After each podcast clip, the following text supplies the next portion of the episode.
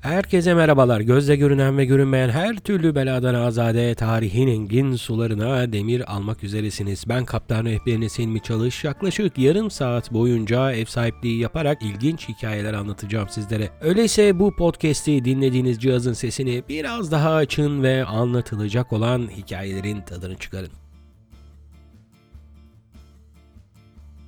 Eylül ayından başlayarak elimden geldiğince aksatmadan sizlere ulaştırmaya çalıştığım araştırma dosyalarından bir tanesine daha geçen hafta başladık. Yeni dosya Koca Sinan ve şimdilik en az 4 hafta sürecek gibi görünüyor. Aslında bir 14 hafta yapsak da bitmez ya neyse. Elimden geldiğince özet geçmeye çalışacağım desek yeridir. Özellikle konu Sinan olunca iş her zaman olduğundan daha fazla dallanıp budaklanıyor ve farklı katmanlarında farklı hikayelerin karakterlerin olduğu bir kişilik çıkıyor karşımıza. Cumhuriyet döneminde farklı bir Sinan, geç Osmanlı'da farklı, klasik çağda daha da farklı bir Sinan anlatılmış. Hele bir de Sinan'ın kendi kişiliğine baktığınızda neler neler karşınıza çıkıyor. Ucuz iş gücü olarak kullanılan acemi oğlanı, asker, subay, padişahın şahsi koruması ve tabii ki mimar olan bir sürü Sinan var.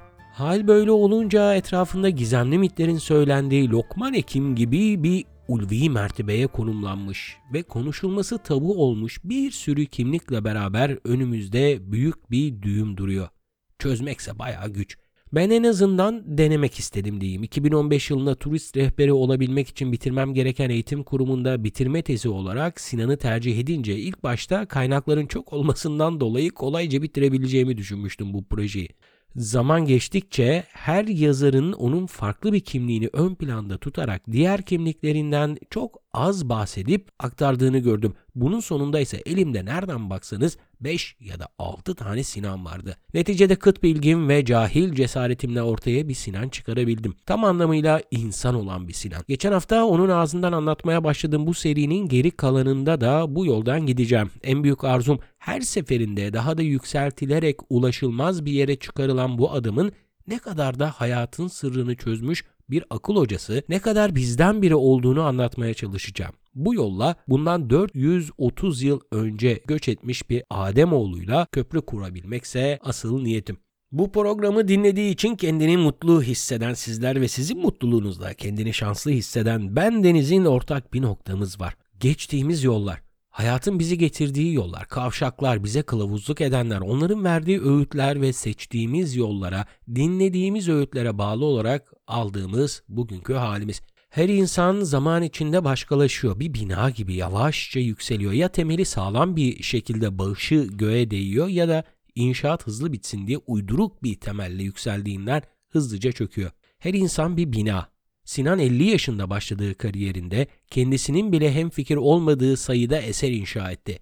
O bu eserleri inşa etmeye başlamadan önce ise tıpkı bizim gibi içinde yaşadığı dünya tarafından inşa edildi. Bu yüzden Sinan'a bir köprü kurmak için ilk adım onun yükseldiği bahçenin zeminine, buradaki diğer yapılara bakmakta ve onun nasıl inşa edildiğine girmekte her zaman fayda var. Şimdi yeri gelmişken paylaşayım. Hem rehber hem bir podcaster olarak meslektaşım Zamanın Ruhu bana geçenlerde güzel bir eleştiride bulundu. Asıl konuya girmem 3 dakikadan kısa sürmüyor. Biraz daha kısalsam iyi olur diye. Sağ olsun sözleri başım gözüm üstüne de ben bu konuda defoluyum. Lafı dolandırmadan başlayamıyorum. Zaten fazla düşünüp nispeten az konuşan bir adam olduğum için de fırsatını bulunca kendimi kaybediyorum konuşurken. Bunu söylerken bile bayağı zaman çaldım. Kusura bakmayın affınıza sığınıp son olarak da Zamanın Ruhu podcastini dinlemenizi şiddetle tavsiye edip Sinan'la olan mesaimize başlamak için buzdağının dibine dalıyorum efendim. Geçen hafta Sinan'ın kendi sözleriyle hayatını anlatırken Tuhfetül Mimarin adlı biyografinin bir yerinde Usta'nın şu sözlerini paylaşmıştım. İnsanlar belli bir süre mağaralarda yaşadıktan sonra şehirler inşa ettiler.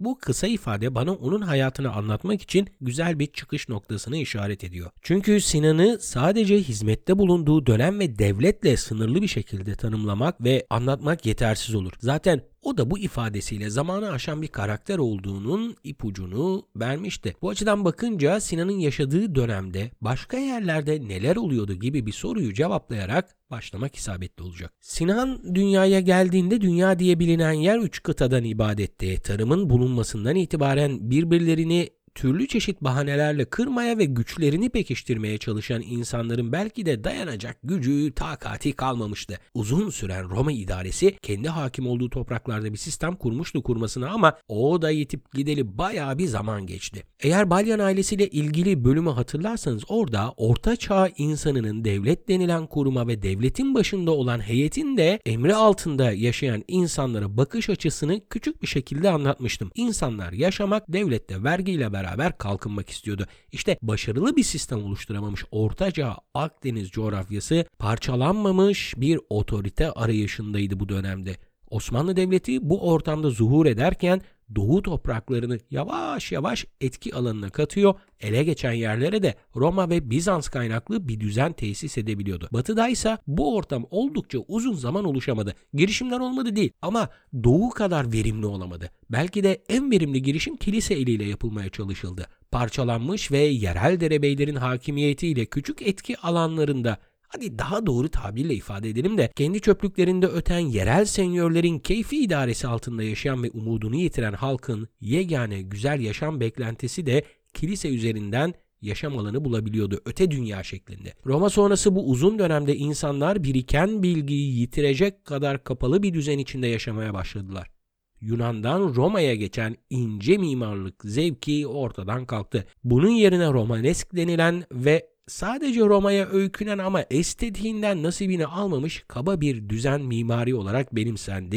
İlerleyen zamanda Haçlı seferleri bittiğinde ise gotik. Şimdi programı ilk kez dinleyenler bir şekilde kafalarında soruyorlardır. Ya Sinan dinleyecektik de iş ne ara Goti'ye gitti diye. Sizi teskin edeyim hemen. Zira eski dinleyiciler bilecektir. Dolmabahçe Sarayı'nı bile antik Yunan'dan başlayarak anlatmaya çalıştım. Bu gene iyi. Sadece Sinan'dan birkaç asır öncesinden geliyoruz. Şaka bir yana girdiğim bu ara yol aslında Sinan'ın çizmeye çalıştığım tablosunun eskizleri bir şekilde. Yani muhteşem yüzyıl diye anılan dönemin temelini sağlam zemini oturtmadan direkt olarak konuya girersek yaptığım şey ya bir öykünme ya bir yergime olacak. Bu yüzden Roma'nın mirasçısı bir devletin propaganda amacıyla tercih ettiği yol olan mimariyi idrak edebilmek için boşluğun sınırlarını belirlemek gerekli deyip konuya devam ediyorum efendim. Avrupa'da gotik yerel kralların merkezi bir otorite kurabilmek için her yerde olduğu gibi tercih ettiği ve bir propaganda metodu olarak kabul edilmişti. Krallar idare iradelerini Tanrı'dan almaktaydılar. Göklerin hakimi ve yerdeki her şeyin sahibi olan Tanrı'nın sorgulanamazlığını, eşsizliğini anlatmak için tercih edildi gotik. Bu da Tanrı tarafından tercih edilmiş krala bir meşruiyet sağlayabilmişti. Bu nedenle gotik mimari yukarı doğru ve orantısız büyür. Cepheleri çok gösterişlidir. Mekanın içi büyük pencerelerle aydınlatır vesaire. Bununla beraber en güzel mesajlardan biri gül penceresidir. İstanbul'da İstiklal Caddesi'nde bulunan Saint Antoine Kilisesi'nde dahi görülebilen bu gotik imzanın mesajı ilahi ışıkla devamlı Tanrı'nın gözü tarafından izlendiğimiz hissini uyandırmaktı. Gotik bu açıdan önemli. Sinan'ı ve Sinan'ın yaşadığı dönemi anlayabilmek için. Kilise ve Tanrı'nın verdiği yetkiyle kralın meşruiyetini onaylayan bu gotik etkinin başarılı olamadığı nadir birkaç yer vardı o dönem için bilinen dünyada. Bunlardan biri de İtalyan Yarımadası'ydı. Bu ilginçtir. E, kilisenin merkezinin de bulunduğu bu coğrafyada Tanrı'nın mimarisi gotik nasıl olmuştu da başarıya erişememişti. Bunun nedeni neredeyse 19. yüzyıla kadar birleşemeyen İtalyan kent devletleriydi. Venedik, Floransa, Cenova, Napoli gibi kent devletlerinin başında bulunan idareciler vardı ama hiyerarşik bir düzenin olmadığı, birbirleriyle dengeli ilişkiler sergileyen bu kent devletleri yukarıdan aşağıya doğru bir mesaj vermeye niyetlenmediler. Bununla beraber din yine büyük bir etkiyi sergilemeye devam etmiyor değildi tabii ki. Önce Ortodokslar sonra Müslümanlar bu dinin hedef aldığı ötekilerdi uzunca zaman. 1400 yılların ortasına gelindiğinde ise Batı dünyası bir kırılma yaşamaya başladı. Hem de etkisi büyük olan bir kırılma. Batı başta kilise üzerinden Ortodoksları ve İslam'ın yayılmasına paralel bir şekilde Müslümanları ve diğerlerini ötekileştirerek kendini tanımlamaya çalıştı. Haçlı seferlerinden sonra ise bağlar tam anlamıyla kopmuş oldu.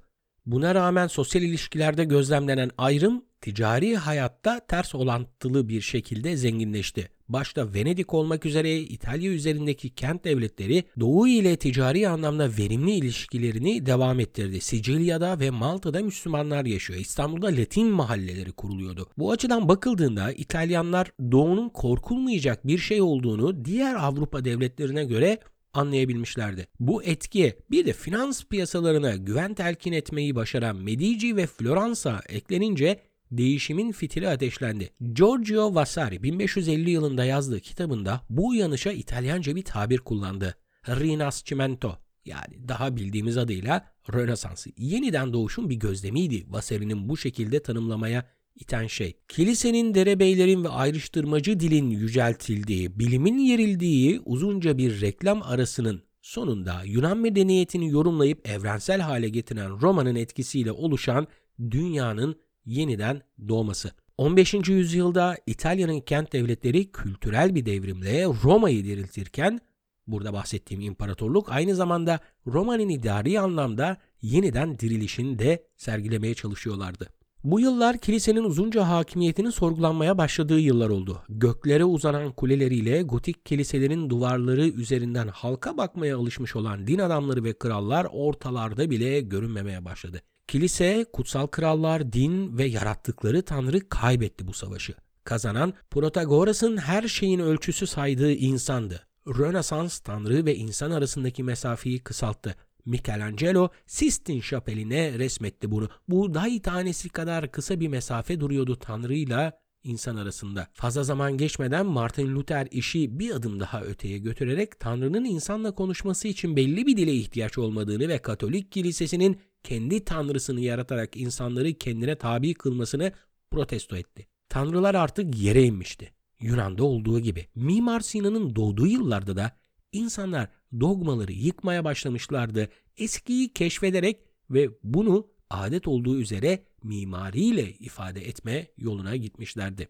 Rönesans çağında insanlar her şeyi insanla ölçtüler. Malum herkesin bildiği Da Vinci'nin Vitruvius adamı vardır. Milattan sonra 100 yılında Romalı mimar Vitruvius'un kılavuz olarak insanı ortaya koyup belirlediği altın oranlarına uygun şekilde bu yıllarda Rönesans mimarisi etkili olmaya başladı. Burada küçük bir mukayese yapacağım. Mesela gotik taş bir mimariydi. Sivri kulelerle tepeden bakarken taşla sağlamlığını sergiliyordu. Gösterişliydi gotik aynı zamanda ve bir o kadar da karmaşık. Buna rağmen Rönesans mimarları yatay bir mimariyi tercih ettiler. Zira Tanrı katında hepimiz eşittik ve o bize oldukça yakındı. Dünyanın sınırlı algısına paralel kübik yapıları tercih eden mimarlar yapılara yüksek kuleler koymak yerine sonsuz bir dairenin Tanrı gibi bizi sarmasına gönderme yaparcasına kubbeyle örttüler binalarını. Bu çağa adını veren Vasari bu çağı başlatan mimarlardan Bramante için şunları yazar. Yunanlar mimariyi yaratmıştır. Roma ise onu taklit etmiştir. Bramante sadece yeni buluşlar eklemekle kalmamış, bu sanatın güzelliğini arttırarak üst seviyelere çıkarmıştır. Vasari bunları 1550'de yazarken 100 yıl önce Fatih'in yanından ayrılmayan Tursun Bey'den etkilenmiş midir? Bilemem ama bakın 1469 yılında Fatih Sultan Mehmet camisini tamamladığında onun yanından ayrılmayan Tursun Bey şunları yazıyor yeni yapılan cami ile alakalı olarak. Bu cami Ayasofya'nın sanatlarını içermekle kalmayıp sonradan gelen uygulamaları da kapsayıp ölçülmeyecek güzellikte bir çeşit yenilik ve nuraniyet kazandırdı. Yüz yıl arayla yazılmış bu iki cümle dönemin mimarlığını anlamaya yardım eder. Mimar Sinan'ın da nasıl bir sanat dünyasında yaşadığını vurgular. Her ne kadar Fuat Köprülü Bizans müesseselerinin Osmanlı'ya etkisi yoktur diye iddia etse de bu kıt aklım ve bilgimle belki de haddimi aşarak onun fikrine katılmadığımı ifade etmeliyim. Batı'nın keşfettiği Roma kökenli yeniden doğuş gerçekleşirken Osmanlı da Bizans'ın unuttuğu Roma'yı diriltiyordu. Fatih Sultan Mehmet kendine Roma İmparatoru lakabını yakıştırıyor ve bu medeniyeti inşa edebilmek için hem doğudan hem batıdan bilgin ve sanatçıları himayesine almaya çalışıyordu. Fatih Sultan Mehmet'le yepyeni bir hal alan devleti Ali Osman bir imparatorluk da artık. Tıpkı Roma gibi ve yine Roma'nın görkemini, düzenini, gücünü ve kapsayıcılığını da sergilemeliydi. Bunun için de her zaman yapıldığı gibi mühim bir propaganda malzemesi olan mimariyi kullanması elzemdi. Şimdi konunun yeni bir aşamasına girmeden belirteyim. Şu ana kadar Osmanlı'nın çevresinde gelişen dünyayı anlattım. Sanılmasın ki işi sığ bir oryantalist gibi batı perspektifiyle ele alacağım. Olması gereken tüm unsurlarıyla bir tablo çıkartmaktı. Hal böyle olunca işin batı ayağına değinmeden olmayacaktı. Birazdan değineceğim gibi işin bir de İslam ve Doğu geleneği var. Sinan'ın özel olmasının sebebi bu farklı ürünleri kendi potasında eriterek hiçbirinin ağır basmadığı şekliyle ortaya koyabilmesidir. Öyleyse Sinan'ın beslendiği kaynaklardan Doğu yakasına bakarak devam edelim. İslam'ın ortaya çıktığı yıllardan Müslümanlar değil bir yerde namaz kılmak, bir araya gelseler bile Mekkeli müşriklerin sert tepkileriyle karşılaşıyorlardı. Bu nedenle gizli bir şekilde devam ettirilen ibadetler hicret sonrası düzene oturtuldu. Hem Hz. Muhammed'in evi hem de inananların ibadeti için bir mekan haline getirilen Mescid-i Nebevi oldukça uzun zaman İslam ülkelerinde bir ibadethane modeli olarak tercih edildi. İslam'ın tevazu sahibi ve gösterişini öteleyen yaklaşımıyla sağlam duvarlı, sadece dış görünüşüyle toplanılan yer manasında cami olarak tanımlanan bu yapılar Kur'an'ın kabul edildiği ülkelerde sıklıkla tercih edildi. İşin bir de tasavvuf ayağı vardı. Kainatın öncesinde var olup onu kendi iradesi ve emeğiyle yaratan, yaratırken de kendinden parçalar ekleyen Allah. Bu fikirle birlik diye çevirebileceğimiz tevhid inancı sağlam bir zemine oturdu. Onun elinden ve onun iradesiyle yapılan her şey güzeldi ve her yerdeydi. Bu yüzden ilk dönemlerden itibaren en büyük mimar sayılan Allah'ın yanında adını yakıştıramayan anonim mimarların eserleri gotik gibi göklere uzanmıyordu. İnsanların bir araya gelip yaratıcıya olan şükranlarını sunmak amacıyla camiler merkezi bir yerde genişçe yapılıyordu. Zira Allah göklerde değil her an onlarla beraberdi. Gelenek Selçuklu döneminde de çok sütunlu bir mimari ile devam ettirilir ve Osmanlı'nın ilk dönemlerinde de kendini gösterir. Bakınız Bursa Ulu Camii, Edirne Eski Cami. Şimdi yahu Hilmi erken dönemde sadece bunlar mı vardı dediğinizi duyar gibiyim. Bu saydığım camilerden daha farklı planlarda ve ebatlarda çok fazla eser tabii ki vardı. Bunun yanında kapsamlı bir mimarlık tarihi kendine has bir programa ihtiyaç duyduğu için sadece ortaya koyduğum fikrin temelini sağlamlaştırılacak olanları tercih ettim. Bu saydığım camiler genişçe bir alana yayılmış, sade ve dengeli yapılardı. Yani binanın herhangi bir yerinde yapıyı tamamlayan mimari unsurlardan birinin ön plana çıkmadığı yapılardı. Bunu sağlamak adına kapladıkları genişçe alanın üstünü örtmek için dikilen sütunların arasında kalan alanların eşit ölçülerde kubbeyle kapatıldığında söylemeliyim. Birbirinin aynı oranda kubbelerin tercih edilmesinin çok önemli olduğuna inanıyorum ben. Bunu Osman'ın soyundan gelen hanedan üyelerinin otorite olabilecek gücü ellerine alamamasına bağlıyorum.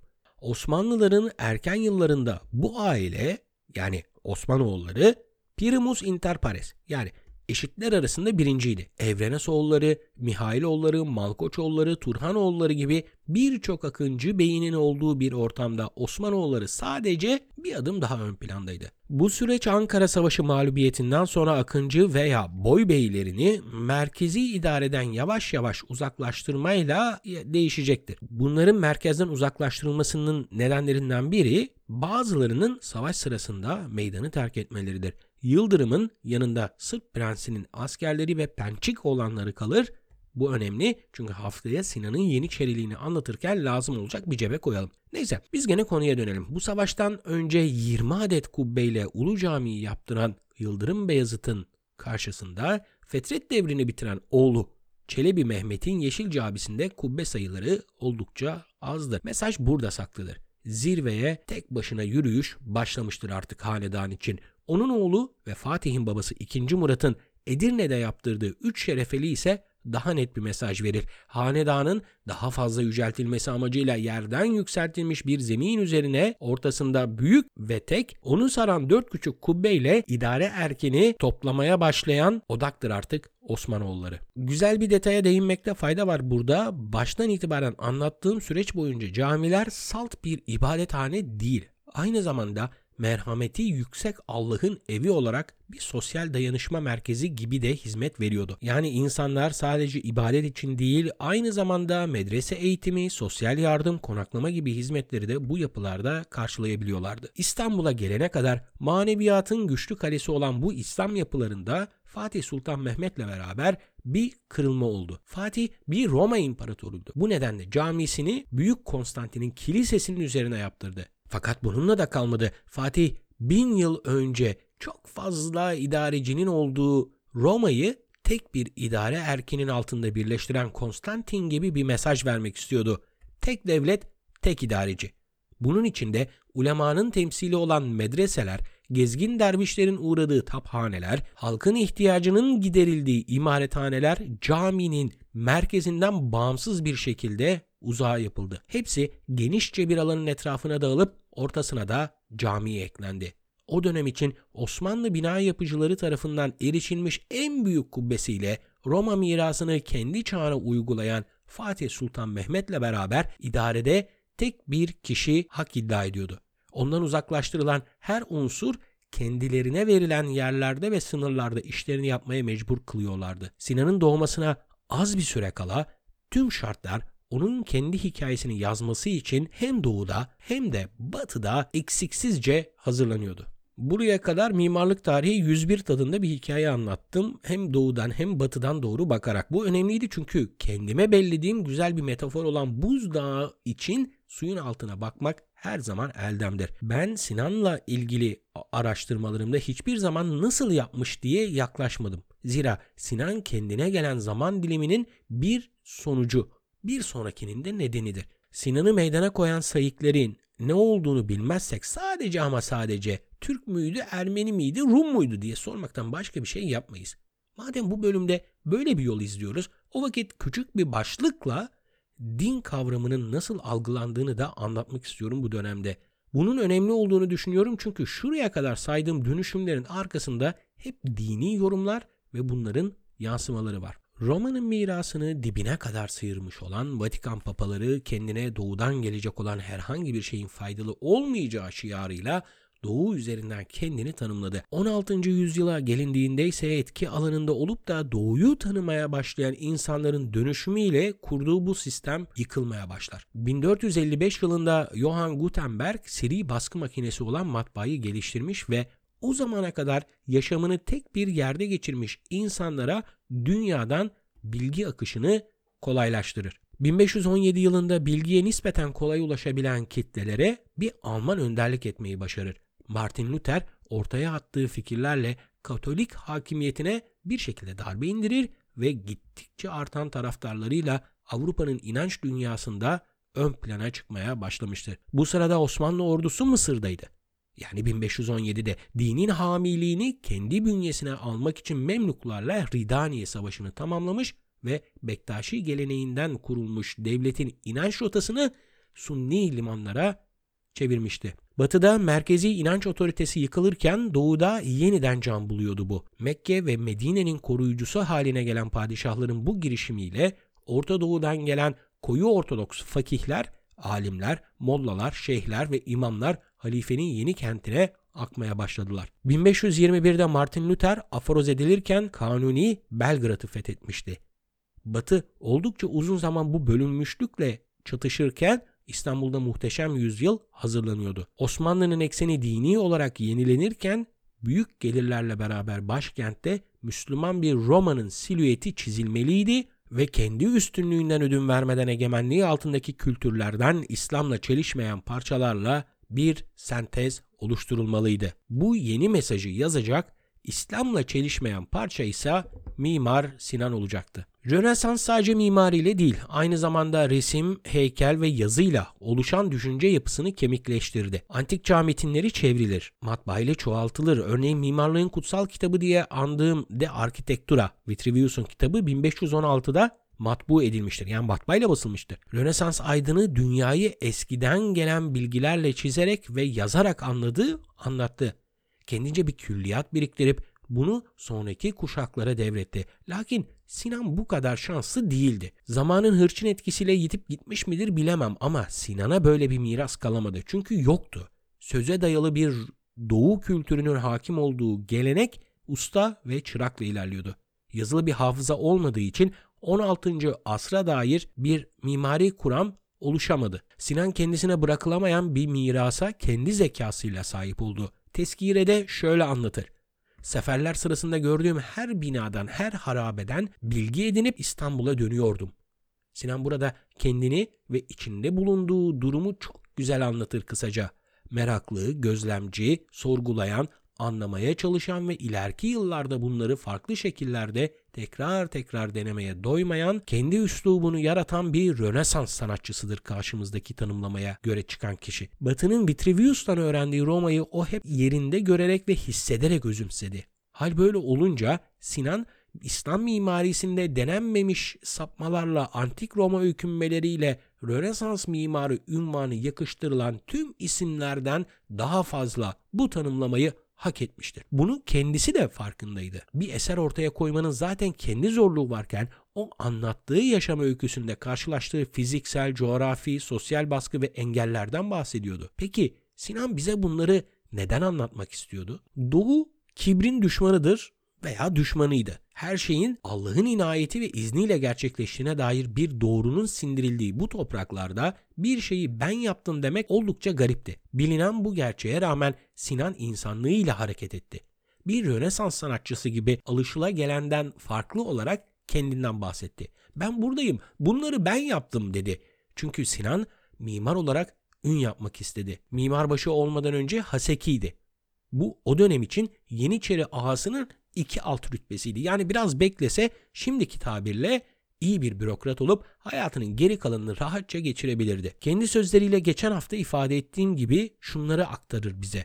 Murat edindim olayım ki bir mimar, kemalimle koyayım alemde bir eser adının anılması, yaptıklarının bilinmesini istedi. Zira bahsettiğimiz insan bilginin şimdiye oranla çok zor ulaşıldığı zamanlarda gittiği her yerden öğrenmeyi becermiş ve fırsat geldiği için bugün mimarlık öğrencilerinin dahi erişemediği bir coğrafyaya ulaşmış ve içinde bulunduğu dünyanın değiştiğini anlayabilmişti. Elimde bununla ilgili bir kaynak mevcut değil ama hayal etmenin de bir engel teşkil etmeyeceğini varsayarak Sinan'ın yaptığı camilerden biri olan Draman Camisi banisi yani yaptıran Yunus Bey ile oturup konuşmuş, onunla uzun uzun sohbet etmiş olabilir. Yunus Bey Dragoman yani padişahın mütercimidir.